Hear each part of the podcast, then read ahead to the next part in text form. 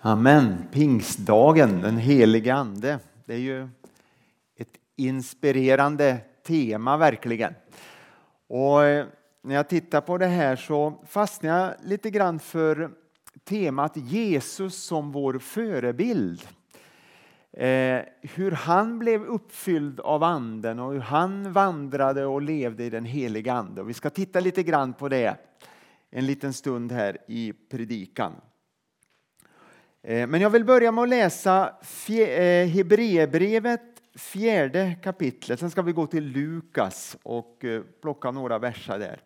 Men Hebreerbrevet fjärde kapitlet och 14 till 16 versen så står det om Jesus som förebild där. Och vi läser. Det står Jesus som överstepräst som rubrik.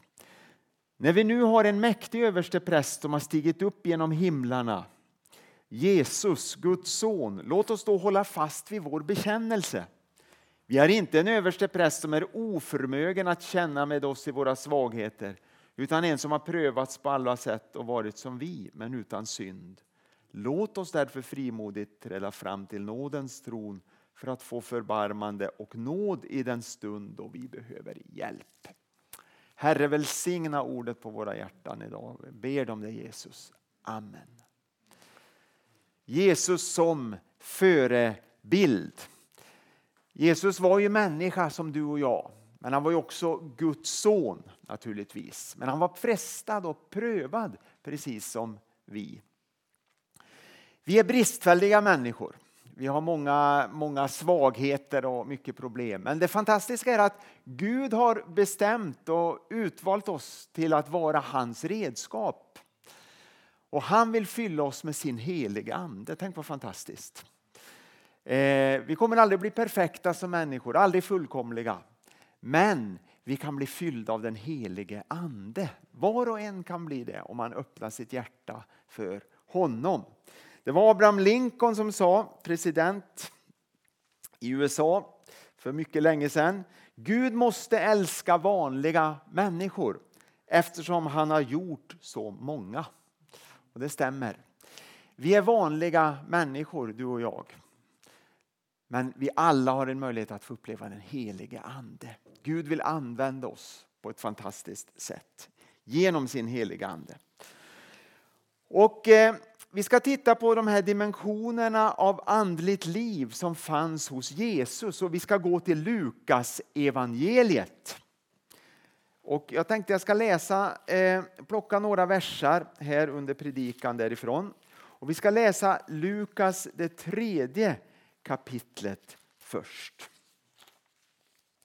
Och det står det så här i den 22 versen. Och det var efter att Jesus eh, hade blivit döpt. Och då står det så här, när han står där i vattnet i Jordan. Och den heliga ande kom ner över honom i en duvads skepnad och en röst hördes från himlen. Du är min älskade son, du är min utvalde. Anden kom över Jesus. Man kan säga att det var en invigning till tjänst. I Gamla testamentet invigs prästerna eller översteprästen de blev smorda med olja som är en symbol på den heliga ande. När de var vid 30-årsåldern och Jesus var i 30-årsåldern när han gick ut i den offentliga tjänsten. Och här blev han verkligen smord av den heliga ande. Anden kom över honom som en duva och så började han sin offentliga tjänst. Och det var efter hans dop i vatten här också. Anden kom över Jesus. Och så står det så här lite, lite längre fram i Lukas, i fjärde kapitlet. Och det var när Jesus skulle eh, frestas i öknen av, av djävulen, så står det så här. Jesus återvände från Jordan, alltså där han döptes, uppfylld av den helige Ande. Vi ska komma tillbaka till den versen om en liten stund igen, samma vers. Men här står det att han blev uppfylld av den helige Ande. Jesus blev döpt i anden. Vi brukar ju använda det ordet ganska ofta, döpt i anden. Uppfylld. Eh, genomdränkt av den helige ande. Fantastiskt. Eh, Gud verkar och Gud har verkat genom historien, genom den heliga Ande. Han verkar också idag. Jag tänkte lite grann på hur det var när, när eh, människor upplevde just det med dopet av den heliga Ande ungefär för hundra år sedan här i Sverige. Det var ett väldigt genombrott då, över hela världen faktiskt. Eh, det var då den moderna pingstväckelsen växte fram. Det var ju ingen helt ny företeelse utan det har funnits i historien också men det var ändå en väldig skillnad här för ungefär hundra år sedan, lite drygt hundra år sedan till och med. Och eh, jag har hört väldigt många berättelser, det har säkert du också. Och vi har ju erfarenhet en del av det också naturligtvis, men inte för hundra år sedan. Det är ingen här som har erfarenhet av, men eh, vi har hört berättas. Min mormor berättar en del för mig. Jag är uppväxt i Dalarna och i den lilla byn Lövnäs. Det är ju flera stycken som har varit där vet jag här, härifrån.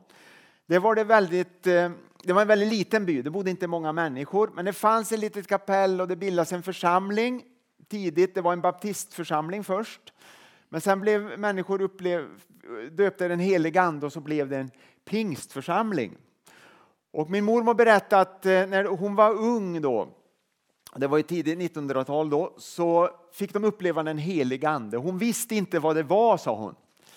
Eh, och de andra visste inte heller, de hade inte fått någon undervisning om det, men de fick uppleva tungomålstal och, och väldiga manifestationer. De berättade att de var på bönemöte. Det här kapellet ligger ju ett stenkast från mitt föräldrahem, så jag, jag har ju det helt framför mig. Jag har växt upp i den här församlingen. Eh, men de, de var på bönemöte och eh, sent på kvällen och eh, i lägenheten bodde det folk. Då det var eh, men jag vet, jag vet, inte, pastorn var väl antagligen med på bönemötet, men jag vet inte vilka som var i lägenheten, för det var några som inte var med på mötet. Och De hörde som att det skaka och dundra inne i, i kapellet. De undrade vad det var. Och min mormor berättade, för hon var med på bönemötet, att bänkarna hoppade på golven när anden föll. Så, så starkt var det. Så, sånt, eh, såna manifestationer. Och det här vet jag berättat tidigare här i, i församlingen för inte så länge sedan tror jag. Eh, min mormors far var ute och cykla. Och eh, så var det eh, möte i mitt föräldrahem, för det var en gammal skola. Det var inte i kapellet, utan det var i skolsalen var det, var det ett möte. Och han såg att det brann i huset så han skyndade sig för att larma brandkåren. Men det var ingen vanlig eld utan det var den helige ande som föll. Och sådana här manifestationer var vanliga. Och min mormor berättade eh, att ett tag så trodde hon det bara var tre personer i byn som inte hade böjt sig för Gud. Sa hon. Tre personer som inte hade böjt sig. Så nästan hela byn eh, blev frälsta. Och eh, de, de skrev en vägskylt till min hemby eh, eh 11 kilometer från den stora, stora vägen som går mellan Särna och Älvdalen så stod det det heliga landet i väst. För det var så många som var frälsta eller fick uppleva frälsningen där. Och det är lite märkligt för det var ett par byar, tre byar kanske bara där i, i kommun som upplevde det här.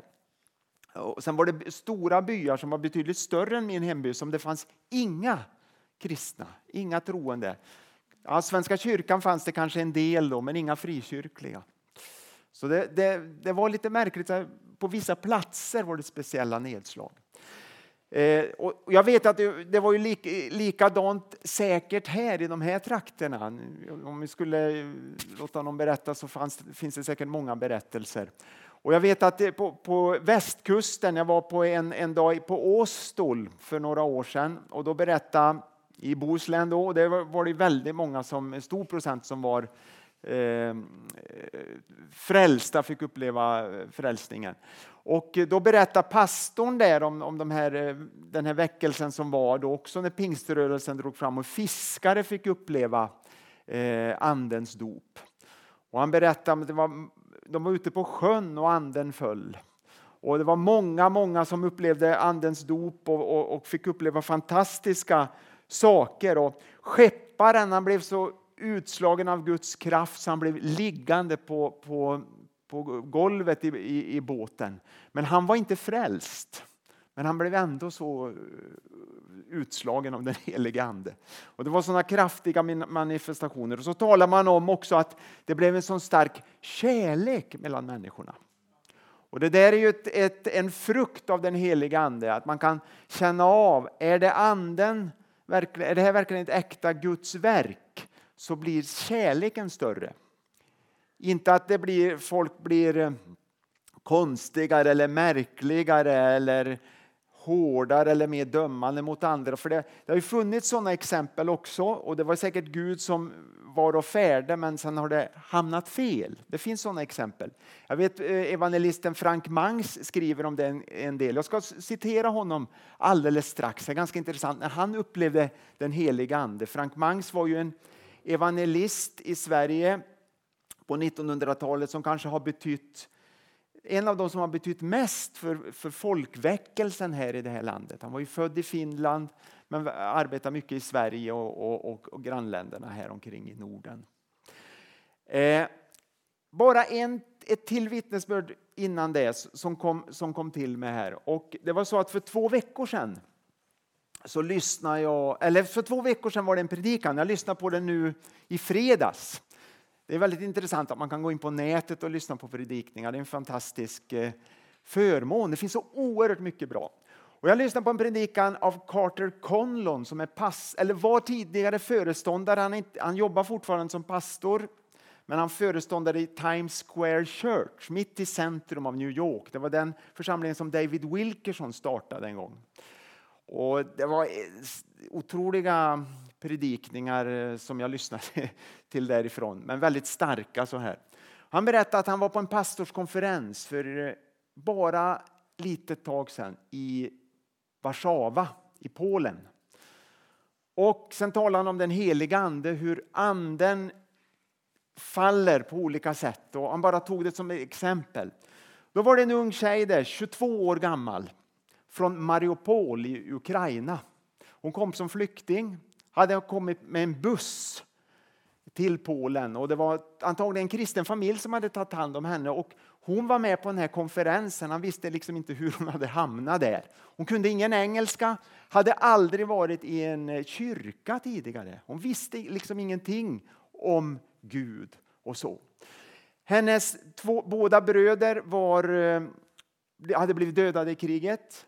Hennes mamma var död också i kriget. Hennes pappa hade förlorat förståndet eller blivit konstig på grund av kriget. Så hon var själv äh, och kommit till Polen vad jag förstod.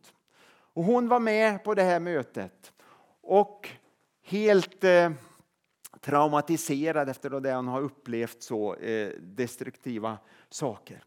Och så berättar Carter Conlon då att efter mötet kommer de fram alldeles skakande med tolk och, och berättar att Gud talade till mig. Jag hörde hans röst på mötet. Och så säger hon, hon storgrät, hon sa att håret hade rest sig på henne. Hon upplevde den helige ande, hon visste liksom inte vad det var. Och så hörde hon Guds röst tala och så talade Gud så här. Från idag och framåt så är du min. Det är ett färskt vittnesbörd vad Gud gör idag. Och de ordnade så att hon fick komma in på en skola och lära sig engelska men också få bibelundervisning. Och nu har de ordnat så hon ska få komma till eh, en, en plats i Pennsylvania, USA också, och gå en, en längre bibelskola. Det är ett fantastiskt vittnesbörd egentligen vad Gud gör i, mitt i de värsta och svåraste situationer idag genom sin heliga Ande. Frank Mangs han berättar, jag går tillbaka till han evangelisten, ett vittnesbörd. Och han, han hade inte upplevt det här med den andens dop, berättar han. Det är en av hans memoarer. Han har skrivit, han, jag tror det är tre böcker, Frank Mangs memoarer. Väldigt spännande böcker. Intressanta och lättlästa och inspirerande. Han är väldigt andlig på ett vis, men väldigt mänsklig och jordnära. Och det vet jag tilltalar mig. Redan som tonåring så läste jag faktiskt hans memoarer och kunde liksom inte slita mig från det. Men då säger han så här, han, han var på väg på en möteskampanj. Och, och här var, det här var på västkusten då. Och han kom till Öckerö. Och så säger han så här, jag kände mig kruttorr som predikant när jag kom till Öckerö. Man kan bara tänka vilken skräckupplevelse så en mötesserie och känna att jag har ingenting att tala om. Och, eh, men så bad han en bön vid färglägret. För han hade ju mött människor som hade upplevt den heliga ande och han hade talat om det mycket. Gud, du vet att om en dryg vecka står jag här igen. Då har du antingen gjort mig till en ny människa och en ny predikant eller också är det absolut slut på min predikantgärning. För jag orkar inte mer. Den bönen bad han på färjelägret där på Öckerö. Och så var han med på ett bönemöte här då den här veckan på Öckerö. Och så fick han, berättade han, han fick tre profetiska hälsningar på det här bönemötet. I en mjuk och stilla ton. Det var inget dramatiskt, det var inget så här mänskligt sett omskakande, men för honom var det ju det. Men det var mjukt och stilla, säger han. Och en ström gick igenom honom, berättar han, och han blev andedöpt. Och så säger han så här att tungotalet kom ett år senare. Men han var säker på att han blev fylld med anden vid det här tillfället, för det blev en sån drastisk förändring. Men tungotalet kom ett år senare.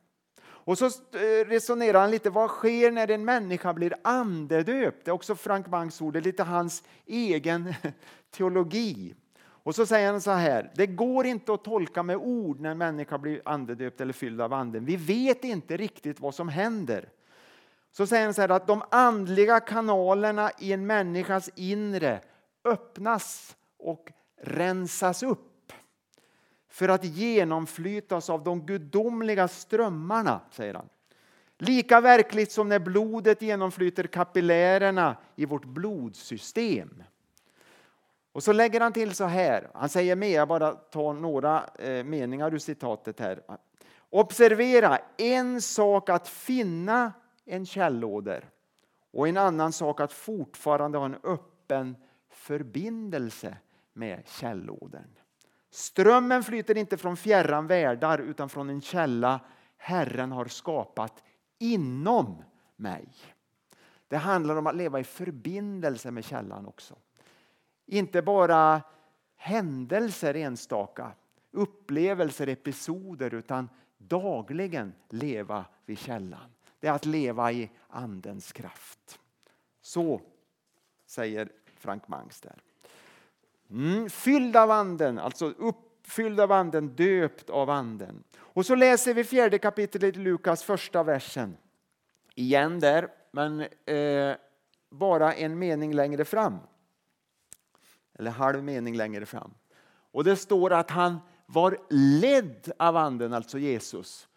Och så var han 40 dagar ute i öknen. Det har också med den heliga ande att göra att han vill leda dig och mig.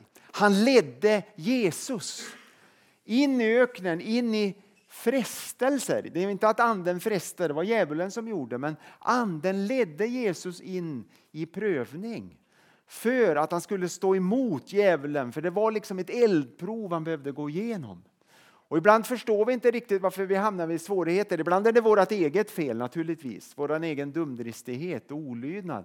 Men ibland kan Gud tillåta svårigheter i våra liv därför att vi ska växa och vara, bli mer beroende av Gud och hans kraft i våra liv. Och det är ju i svårigheter och prövningar vi får uppleva Guds kraft. Går vi inte igenom några svårigheter, då får vi inte uppleva den heliga Andes kraft i våra liv.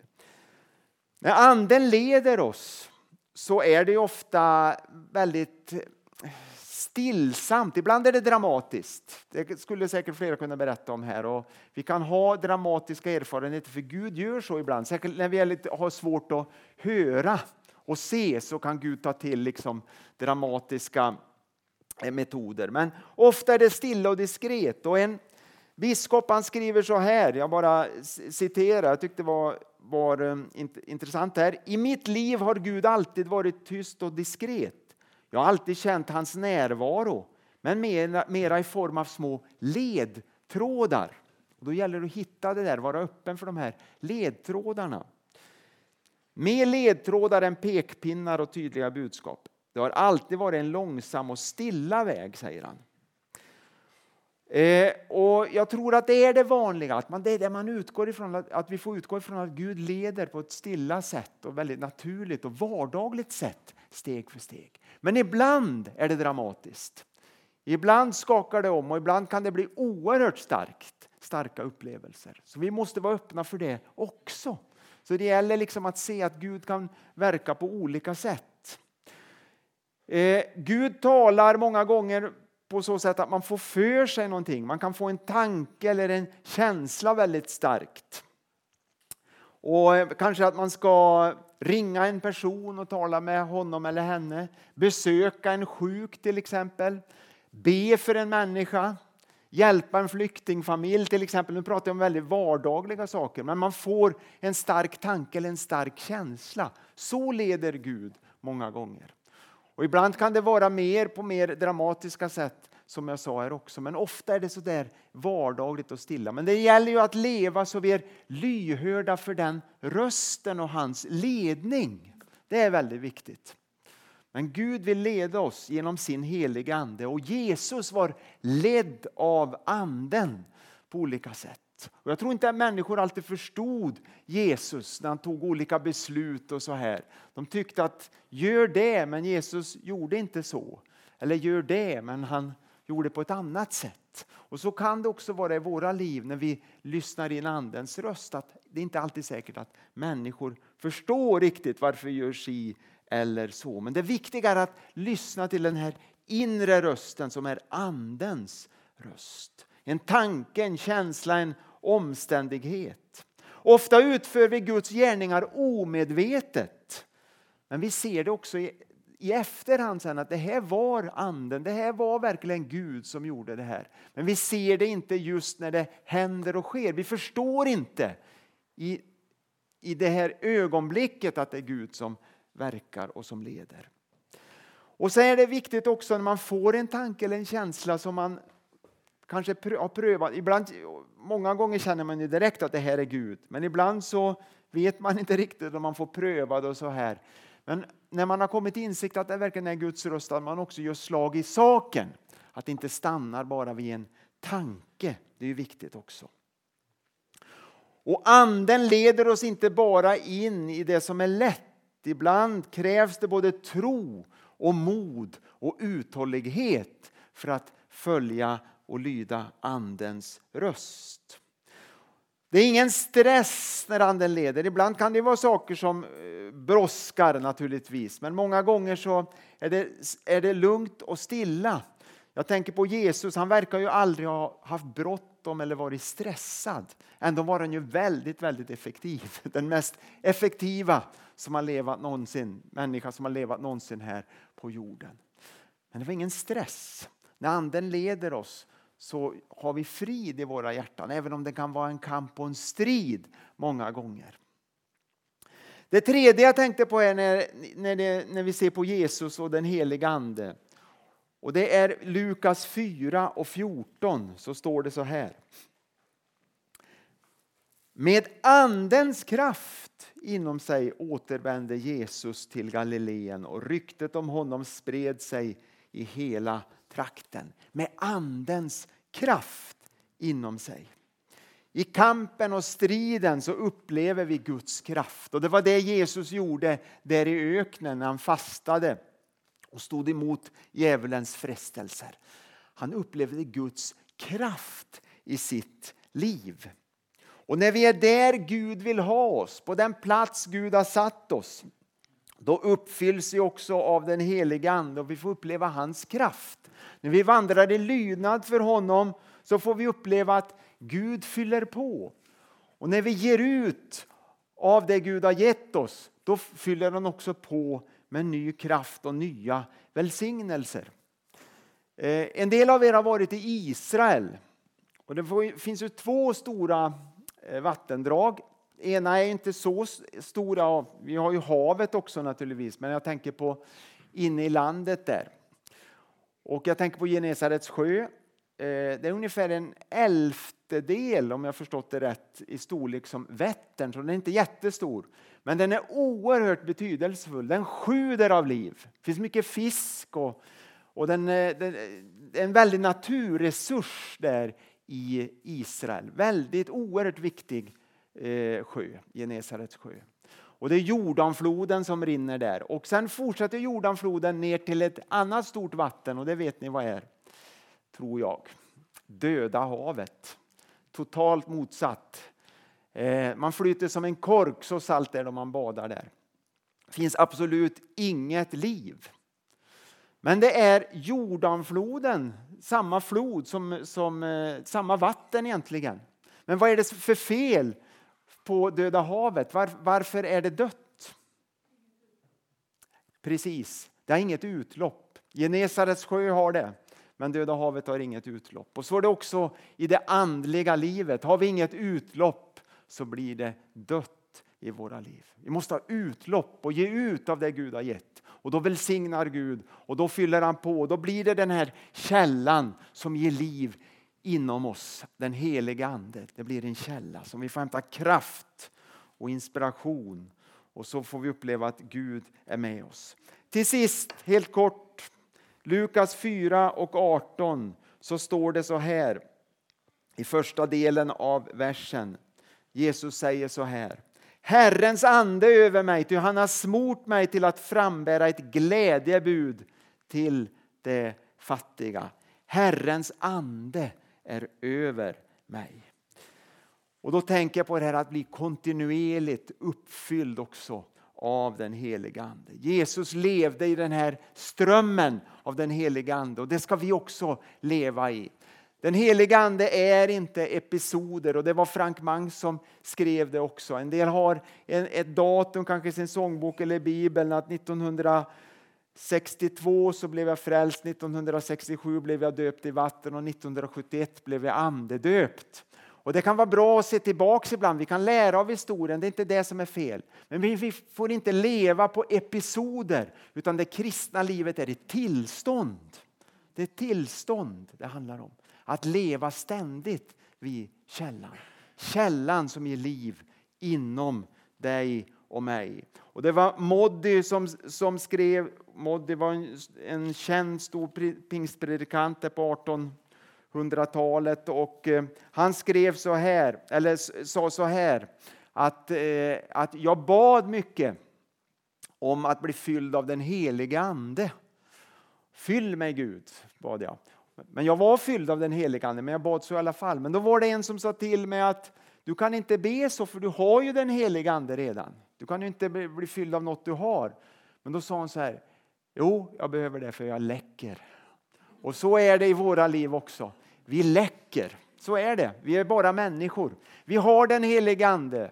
Och han bor i oss, han lämnar oss inte. Det är inte så att den helige ande ena dagen bor i oss och andra dagen lämnar oss. Det fungerar inte så. Utan han bor i oss. Vi är Guds barn.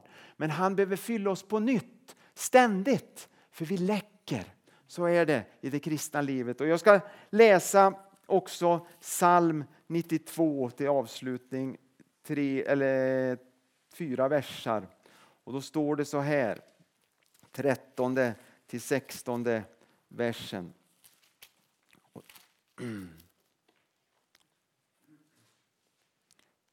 Det rättfärdiga grönskar som palmer, växer höga som sedrar på Libanon. De är planterade i Herrens hus och grönskar på vår Guds förgårdar. Ännu i hög ålder skjuter de skott. De är fulla av sav och kraft och vittnar om att Herren är rättvis. Min klippa i honom finns ingen orätt. Ännu i hög ålder skjuter de skott och är fulla av sav och kraft. Vi får hålla ut ända till sista andetaget. Den heliga Ande vill fylla oss med sin kraft och sin välsignelse och vill använda oss varje dag och varje stund. Amen. Tack Jesus för eh, budskapet i ditt ord om den helige Ande. Och tack för löftena som du har gett. Tack för det vi har fått erfara. Vi har fått uppleva att det är sant, det du har lovat och det du säger, Herre. Men hjälp oss att leva vid källan. Inte bara att vi är glada att vi har hittat källan utan att vi lever av den varje dag, Herre. Att vi fyller på, att vi tillåter dig fylla oss, Herre. Att vi dricker ur källan, att när vi törstar att vi går till källan, din källa.